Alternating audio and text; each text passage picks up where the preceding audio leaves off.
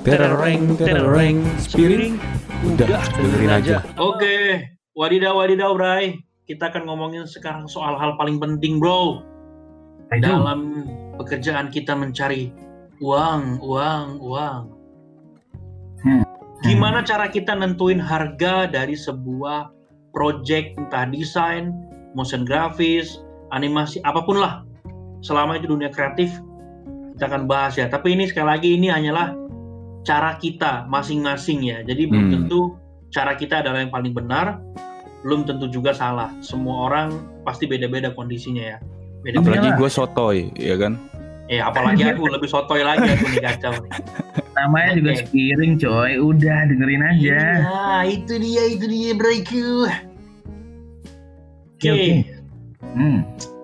ini sebenarnya pertanyaan yang sering sih ditanyakan, entah entah sama junior gitu ya, entah sama bahkan sama teman-teman sepantaran juga beberapa kali aku pribadi itu sering ditanya tuh, Jal, ini aku ada klien nih minta buatkan ini itu, berapa ya kira-kira dikasih harganya gitu? Dan aku selalu jawabnya itu simple, jawabnya tuh, oh ya udah, eh, kau mau mau mau berapa karyamu dihargai sama dia? Kalau kau nggak tahu berapa ya kau hitung aja, kau kerjainnya berapa, terus eh kau kerjainnya berapa hari maksudnya, terus eh, selama beberapa hari kau ngerjain itu apa aja yang kau lakukan, misalnya kayak kopimu berapa, rokokmu berapa, bahkan mungkin listrikmu berapa, ya kau tinggal hitung aja kalkulasikan berapa, nanti itulah yang kau lempar harganya. Hmm. Simpelnya gitu sih. Kalau kalau kalian gimana? Gimana guys? Kalau gua itu realistis sih, tergantung orang. Lu Gimana tuh? eh, misalkan contoh. Ego lu masih tinggi. Misalkan tau tahu dia kan pasti search di googling gini tanya orang misalkan. Eh misalkan desain nih harganya misalkan contoh 100.000 ribu per desain contoh. Ya kan Hmm. itu yang udah yang paling bagus contoh sementara dia belum sampai tingkatan situ contoh 100.000 ribu dia masih egonya dengan 100.000 ribu itu nggak bakal bisa susah dan tapi Oke. ada orang yang takut lu mau berapa terserah lu dah Hmm. rokok aja sebungkus ya Hmm. iya Oke. itu teman Iya, bajingan iya, iya, kok iya, itu iya. kok itu teman enak bajingan ya. Nah, ada lagi satu. Eh, ditanya. Apa itu? gue nggak tahu harga gue gue soalnya bukan bidang gue yang ini pekerjaan gue lain. Ini terserah lu mau hargain berapa gue terima.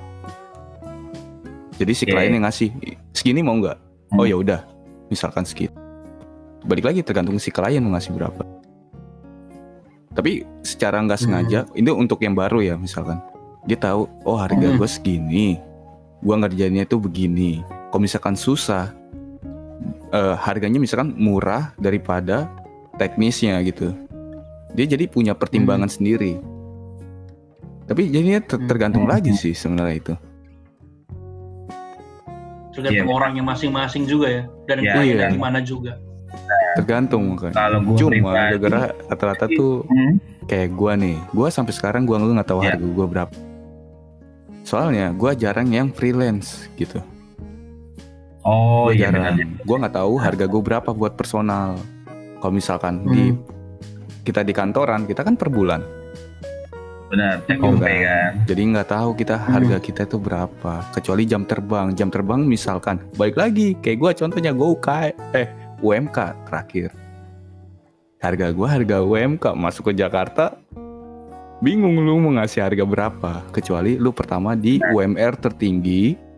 Kok itu kok yang bulanan ya? Masuk Iya. ke UMK lu udah tahu harga lu berapa. UMK ke UMR susah. Itu kalau bulanan gitu. Cuma kalau freelance gua nggak ngerti. Gue sampai sekarang nggak tahu harga gue berapa gitu. Kalau gue Oh, oke. sendiri itu gue tuh ada dua hal ya maksudnya. Ada dua cara gue sih biasanya. Satu itu gue biasanya gue kasih harga gue yang normal gitu ya karena gue tapi gue ini acuannya adalah dari teman-teman gue salah satunya gue, gue juga sempet nanya ke dosen gue sih si Gigi kenal sama dosennya si Pak Eh, yang eh, eh, eh, eh, ngomong apa anda? Eh, hey, Radil hey. ini hobi sekali Iya. menyebutkan nama orang. Iya. kan? Deal. harus Waduh. Wah, anda lemes sekali. Jadi Gue gua ngeri jadinya lah curhat sama lu deal. Loh, gua harus memilah-milah. Aduh, Kan ini bahasan kampus anjir emangnya kenapa? Anjir. Jangan lah. Enggak, jadi gue Privasi sempet, lah uh, gue gue sempet nanya lah sama salah satu dosen lah juga gua ketika awal pertama kali gue waktu kerja terus dapat ada kerja sambilan nih dapat freelance nah dapat freelance gue terus uh, nanya lah kira-kira berapa ya pak gue kan gue nanya gitu. Nah, dia ya coba aja dulu lihat uh, apa namanya lu udah bisa sampai mana gitu kan dia lihat. Coba aja dipasang di basic harga terendah dulu gitu. Nanti kalau lu bisa improve lebih bagus baru harganya lu naikin di next project gitu. Sampai gua sekarang bisa sampai ke harga yang gua sekarang pegang ini tapi nggak melulu harga yang ini terus yang gua tawarin. Biasanya gue juga ngelihat kliennya kalau ada beberapa klien misalnya kayak kenalan gua ada orang yang deket sama gua juga gitu misalnya memang butuh bantuan terus juga gua lihat project yang bukan project yang komersil gue biasanya akan tawarkan ya udah lu ada budgetnya berapa kita handle kita kegarap tuh dari budget yang segitu. Tapi jangan terlalu berharap ekspektasinya tinggi banget gue biasa gitu. Nah ada satu hal yang menarik gue juga kemarin ngobrol sama sama mertua gue kemarin gue ngobrol karena dia punya basic soal bisnis dan segala macem ya nah gue tuh kemarin ngobrol caranya gimana ngitung harga pokok harga dasar nah harga dasar ini bisa dipakai untuk semua hal jadi bisa sih ada videonya dia.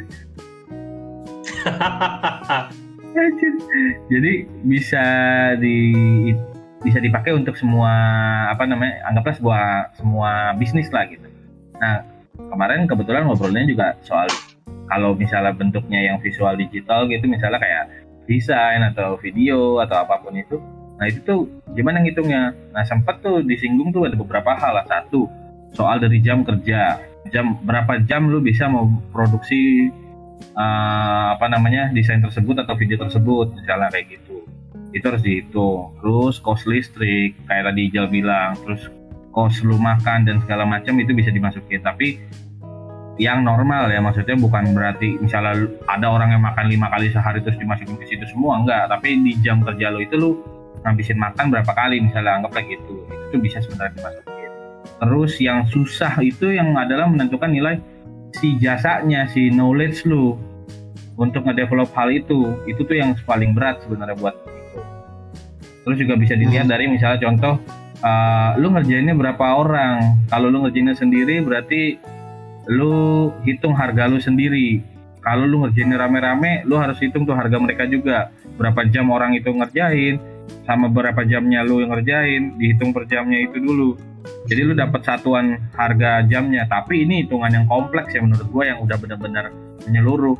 Tapi basically gue tetap aja balik lagi ke harga gue yang biasa sih, maksudnya gue biasanya kasih harga yang tarif gue aja, yang gue ngerasa oh, gue pantas untuk dibayar segitu. Gitu. Hmm. Oke, kalau aku ini ada lagi deal? Nggak ada nggak ada. Silakan silakan. Eh ini kita jangan terlalu serius ya. Kalau kalau nanti Iya. ini Hmm. pancing-mancing aja. Ini kocak kali kita anjir. Oh iya, bentar, bentar. Bentar. Apa itu? Ada lagi, Deal? Bisa diulang lagi sih. Bangke. aku udah aku udah diem anjir. Udah nungguin ya. Anjir. Sok mangga atuh. Yang malah diem si Ujang. Nah, si Ujang. Bentar-bentar. Nah, Enggak Eh. habis habis habis merintahkan asistenku untuk bayar semua hal yang perlu dibayar. Anjir. Enggak. Kalau aku gini sih. gimana gimana? eh kalau aku ya tadi mungkin kita mungkin kembali ke konten kita sebelumnya gitu ya. Eh, berapa lu mau menghargai karya lu dan lu pede nggak dengan karya lu itu berdampak juga dengan berapa harga yang akan lu lontarkan ke orang. Hmm. Ya kalau aku juga sama aku aku pernah buat desain dari harga cuma 200.000 ribu rupiah untuk logo. Aku pernah di tahap itu. Hmm. Aku juga pernah eh, buat desain logo juga kemudian naik di angka 400 ribu sampai sekarang ya ya berkali-kali lipat gitu lebih lebih daripada itu. Cuman tahapan-tahapan tersebut adalah tahapan di mana yang tadi GG juga sempat sampaikan ya ya apa namanya kita tuh perlu perlu naik-naik tangga gitu kita perlu punya prosesnya gitu yeah. nah, kita semua pasti pernah ngalami rate di mana kita rendah gitu benar-benar di mana hanya jadi sebungkus rokok dong. Betul. Nah, bahkan itu. bahkan bahkan sampai sekarang aja kalau aku pribadi ya, kalau misalnya itu yang request adalah orang yang memang aku respect dengan dia, aku punya hubungan mungkin yang agak sedikit intim dengan dia, aku nggak ada masalah untuk untuk untuk misalnya kasih dia free gitu, kayak gitu. Kalau kalau aku pribadi ya, walaupun sebenarnya nggak boleh sih seharusnya, yeah. paling tidak adalah. Nah kalau aku gini, menentukan hargaku, aku punya standar punya harga standar uh, baik secara personal maupun uh, bisnis yang kujalani ya. Uh, kan ada ada filosofi lab ya. Kita mm-hmm. ada ada rate-nya tuh, berapa minimumnya. Nah, cuma kita ngomongin yang pribadinya aja ya. Mm. Jadi aku punya harga rate berapa minimal untuk pembuatan desain kayak gini, desain kayak gitu.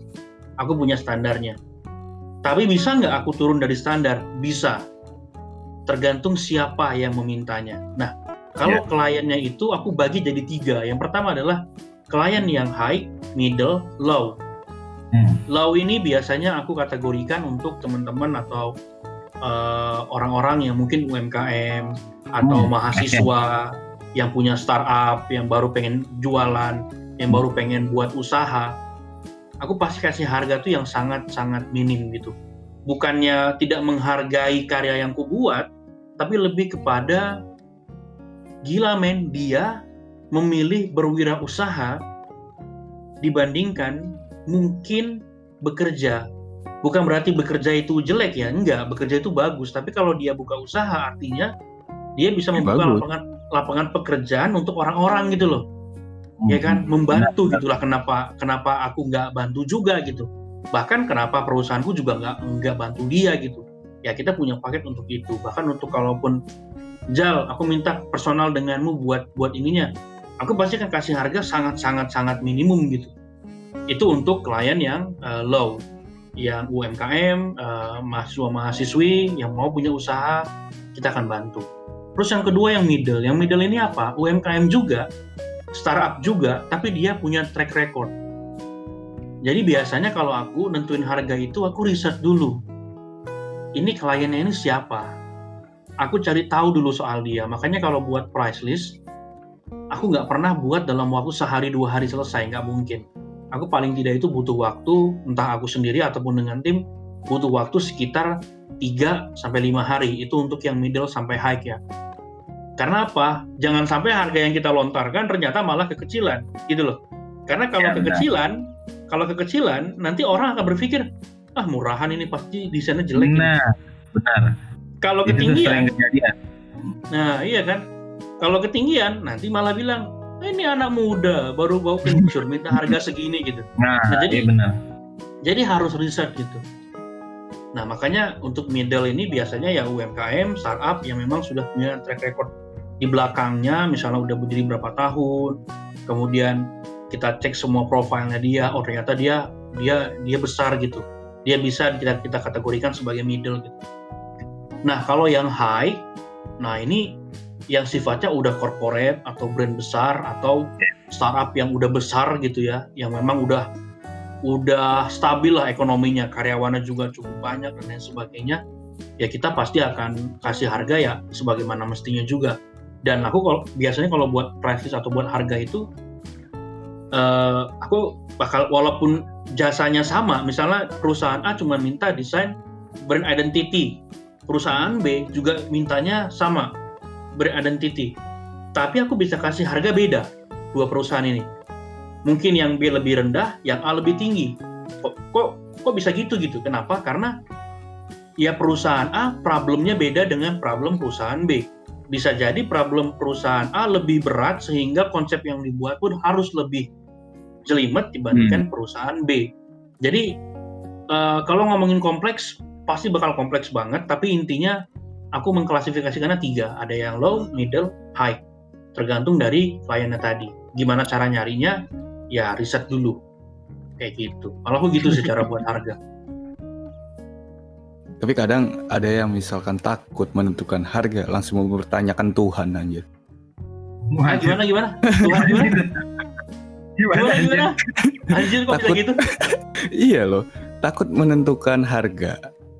Habis itu dia ngebandingin misalkan sama temannya, teman gue bisa segitu, kok bisa gue segini ya? Langsung mempertanyakan Tuhan. Ya Tuhan, kenapa rezeki kita berbeda-beda ya? Pada saat Oh, oh, oh. Ini. Tuhannya langsung dikambing hitamkan ya, kurang ajar ya. itu sering, sering, itu sering. Dikasih Bahkan bukan cuma itu, Ge. Hmm, bahkan bukan cuma itu, coy. Bahkan masalah yang sering kita temui ya, pasti kita- semua kita dalam dunia kreatif ini, terutama di bidang visual ini, pasti sering sekali menemukan yang kayak gini. Parah nih si klien ini. Masa aku disuruh buat desain gini, harganya cuma segini? Pernah Iya, kan? Banyak kan? Parah nih. pasti itu.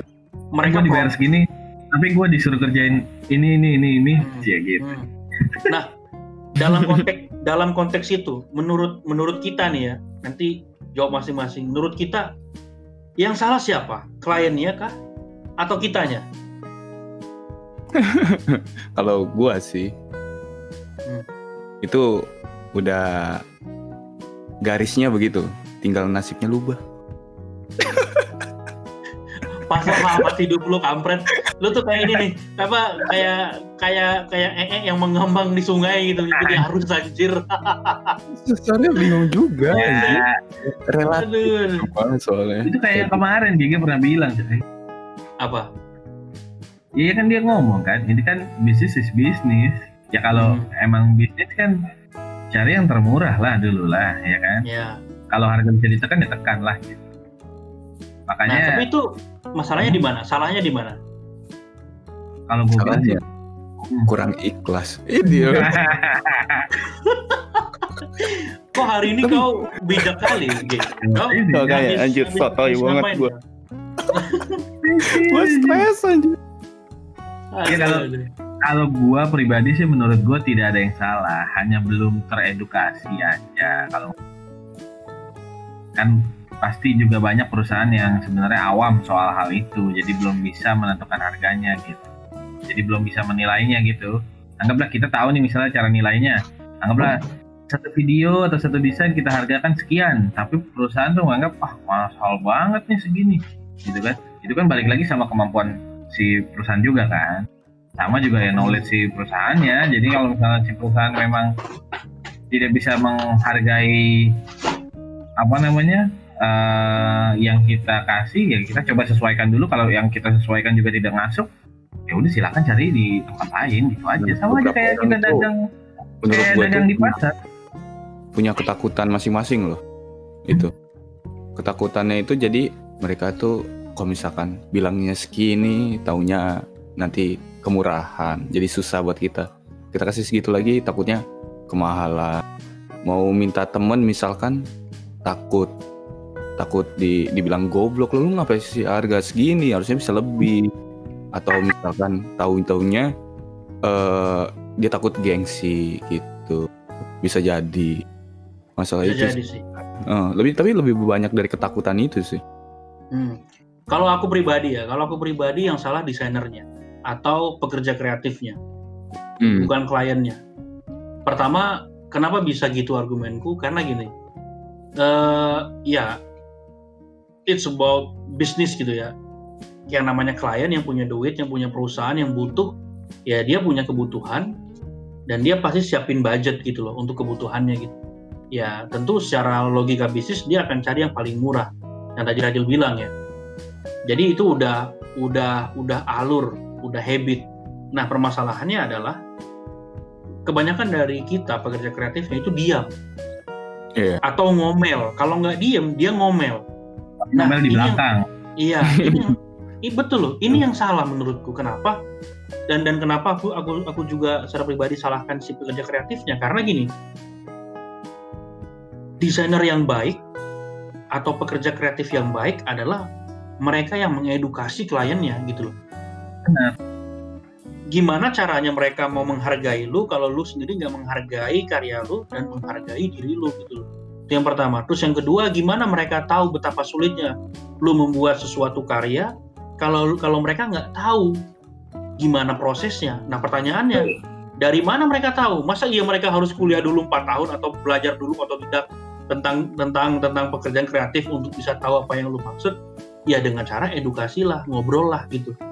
Dan yang ketiga gimana orang percaya misalnya nih ujuk-ujuk ya. Eh G gue mau buat logo untuk cafe gue lu tolong buatin ya. Berapa harganya? Bentar ya. Uh, mau nggak? Bangke. Bentar lima lima menit gue hitung dulu gitu ya misalnya. Terus dihitung kan. Udah gitu langsung disebut. Oke okay, 10 juta untuk logonya. Kan pasti kaget dia kan nah dia bakal nanya nih buset mahal banget. Nah gimana caranya dia bisa mengaminkan harga tersebut adalah harga yang normal? Ya edukasi gitu.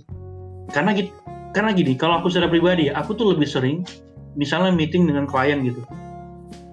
Aku tuh lebih cepat presentasi hal yang memang kontekstual mau diobrolin. Misalnya uh, meeting cuma setengah jam. Kelar tuh masalah pentingnya udah kelar tuh.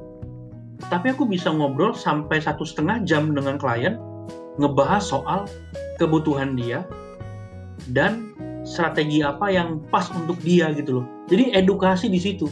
Edukasinya bukan dengan cara oke okay, kalian semua duduk ini papan tulis lihat ya. Di sini saya akan menghitung gini-gini prosesnya ada gini-gini. Bukan. Tapi dengan dengan ngobrol gitu loh. Bahkan karena ngobrol kita bisa masukkan beberapa lagi ide-ide tambahan yang membuat mereka berpikir, oh kayaknya aku butuh itu ya. Kayaknya butuh saya butuh itu tuh Rizal. Boleh kamu buatkan penawarannya. Nah, mereka itu nggak tahu, tapi kalau mereka tahu dan mereka merasa personal apa yang kita berikan kepada mereka, mereka akan anggap kita dekat dengan mereka. Kalau kita udah dekat dengan mereka, mereka akan terbuka budgetnya kira-kira berapa range-nya, kemudian hmm. kemungkinannya ada apa-apa aja nanti ke depannya. Bahkan dari satu klien yang tadinya cuma diminta mengerjakan satu project, tapi karena kita membangun trust, kita membangun edukasi yang baik, kita bisa dapatkan beberapa project gitu dari dari klien yang sama gitu. Okay. Jadi kalau menurutku yang masalah adalah di di kitanya, ya edukasi klienmu jangan buka sosial media terus ngomel-ngomel. Stop desain uh. murah. Stop desain gratis apalah. Yang nggak mempertanyakan guna, gitu. Tuhan. Gitu. ngapain iya kan? Mempertanyakan Tuhan kan? ini nih apa ya? Hilang otaknya. Uh, terus gue mau nanya deh Jal. Misalkan dia nggak punya kemampuan untuk speak up. Dia takut. Hmm. dia ingin ngomong itu tapi takut. Lu punya ini nggak? Solusi itu banyak Ada juga soalnya, apalagi yang baru. Wih banyak, banyak. Makanya kalau kalau aku pribadi biasanya, misalnya nih ya, eh, ini ini beberapa kali pernah kejadian. Misalnya, ya aku sebut aja lah ya, uh, filosofi gitu. Beberapa temanku ada yang fotografer, ada yang ilustrator. Kemudian dia apa namanya ditanya sama kliennya, e, eh, gue mau buat ini nih, berapa nih harganya? Ya mungkin dia tipe kalau orang yang memang mungkin ragu untuk ngasih harga ya dia tanya uh. gitu kan nah nanti karena aku juga otaknya bisnis ya aku bakal nawarin oh ya udah gimana kalau gini? Aku uh, uh, akan fight untuk harga sekian nanti persenan sekian untukku ya. Ini nanti sisanya untukmu. Ya nggak akan gede paling 20 80 30 70 30 filosofi 70 nya mereka. Nanti lempar tuh ke si kliennya. Uh, filosofi yang akan bantu presentasi, filosofi yang bantu konsepin segala macam dan lain sebagainya. Beberapa kejadian sering gitu sih kalau aku ya. Nah, kalau untuk ditanya secara personal, menurut lo apa yang harus lo lakuin? Hilangkan bantuan filosofinya gitu. Hilangkan bisnis filosofinya. Ya kalau aku, lo harus latihan gitu. Gak ada cara lain selain selain lu apa ya? Ya tadi kunci pertama, lu tahu lu bisa buat A, lu tahu lu juga harus menghargai apa yang lu buat, sama yang ketiga lu tahu uh, kenapa lu harus kasih harga sekian gitu. Dan berani itu nggak bisa lagi di di nego, harus berani. Aku ingat waktu aku dulu waktu masih kuliah, aku mulai proyekan itu dari zaman kuliah dulu pernah diusir sama sama jadi meetingnya di sebuah hotel ya Ini teman-temanku yang mungkin denger denger podcast ini mungkin ketawa sekarang dia. Jadi dulu bertiga aku. Kita ke hotel ya. Habis itu kita ada meeting sama klien. Oh oke. Okay. Kirain open Wah. BO. Anjir. Habis itu habis itu kan pas jalan ke hotel eh, kan janjiannya di restoran hotel tuh. Pas mau sampai udah masuk ke hotel itu udah lewatin lobby juga pas mau masuk ke lorong yang mau ke arah restoran tiba-tiba apa namanya ada ada apa ya ya kita sebutlah kayak pelayannya gitulah ya. Hmm. ngelarang kami ngelarang kami masuk karena dianggap kami tidak punya kepentingan di situ. Nggak ngerti kan harusnya kan nggak boleh ya. Walaupun kami nggak makan setidaknya ramah gitu kayak atau apa gitu. Itu beneran beneran disuruh keluar coy. Habis gitu aku calling kliennya kan. Habis itu kliennya keluar dari restoran terus dia manggil oh enggak ini tamu saya baru akhirnya masuk. Itulah ya betapa kejamnya orang memandang langsung dari fisik gitu. Memang menyebalkan. Oh iya sorry tampilan maksudku bukan fisik. Habis itu Gua langsung sudah- anjing gimana gua dong itu. minta minta pengamen anjir. Rambut tapi itulah acak-acakan. pentingnya bro. Itu eh, penampilan itu penting kalau udah ketemu klien sih. Aku juga kalau udah ketemu klien mungkin pakaianku juga bukan yang kita syuting sih. Pakaiannya ya lebih lebih rapi dikit lah. Udah singkat cerita duduk di meja makan kita ngobrol bareng-bareng segala macam. Kemudian kita eh, itu aku takut banget. Aku takut banget karena pertama gini mindsetnya klien bro. Ini sedikit bocoran ya. Mungkin tidak semua klien tapi kebanyakan klien rata-rata dia sengaja minta ketemuan di tempat yang mahal. Rata-rata tujuannya apa untuk mendiskriminasi psikis kita bahwa dia adalah orang yang powerful oke terus yang Hmm. kedua dia akan mulai dengan membanggakan perusahaannya brandnya konsepnya dan lain sebagainya untuk menekan psikis kita lagi bahwa dia adalah orang yang high gitu, perusahaan yang high quality gitu. Tapi di saat yang bersamaan itu pula dia akan bilang entah dia riset, entah dia gimana, dia akan tahu perusahaan kita itu perusahaan baru kah, lama kah dan lain sebagainya. Kalau kalau kita ini baru, maka dia akan langsung serang. Dia akan nanti lumayan untuk portofolio kalian. Pasti.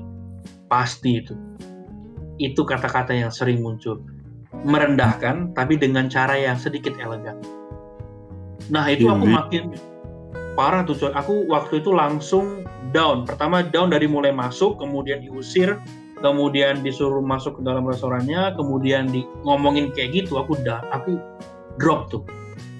Akhirnya apa yang aku lakukan ya udah shit aku kasih harga murah gitu loh. Dan setelah ya mungkin karena masih baru setelah lama baru aku sadar gitu loh bodohnya aku kenapa aku kalah di situ. Makanya penting sih yang namanya apa ya sebutannya ya? Eh, momen pertama kali ketemu tuh penting sih. Jangan pernah nunduk jangan pernah membungkuk jangan pernah ya tunjukkanlah kita punya power gitu. Kita diam mereka. Hilang otaknya Anjir gua nunduk mulu dong. Oh jangan lah, pelan-pelan, pelan-pelan. Ya kalau tegak gitu sholat nggak khusyuk. Makanya nunduk. Go, Oh, go, gue tadi baru mikir gue mau kasih alat yang itu tuh yang buat ganjel punggung tuh. Anjir. Iya anjir gua encok mulu. Ya itulah itu nanti itu gunanya tim, guy. Makanya kalau kau kau uh, ngerintis usaha misalnya di bidang Hmm. kreatif, studio, animasi misalnya, uh, kau perlu banget orang yang apa ya? Kalau di Pinter dunia kita ya. disebutnya account executive. Ya, orang-orang account eksekutif biasanya.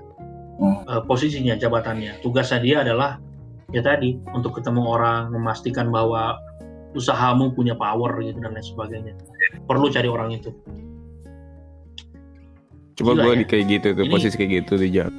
Diem gua. Aku Pakai aja headset. diem waktu itu, guys. Gila. itu ya, gila. itu aku bertiga. Itu aku bertiga. Itu soalnya semester eh, empat, ya empat apa tiga akhirnya lupa aku. Empat kalau nggak salah. Itu masih anak bau kencur banget. Baru pertama kali dapat project ya yang lumayan. Terus ya ya kok bayangin aja lah anak bau kencur gitu di tempat kayak gitu di seperti itu kan, uh itu dropnya bukan main. Dua temanku aja sampai sampai ini sampai uh, segan gitu, sampai nunjukin postur-postur badan yang seperti terdiskriminasi gitu.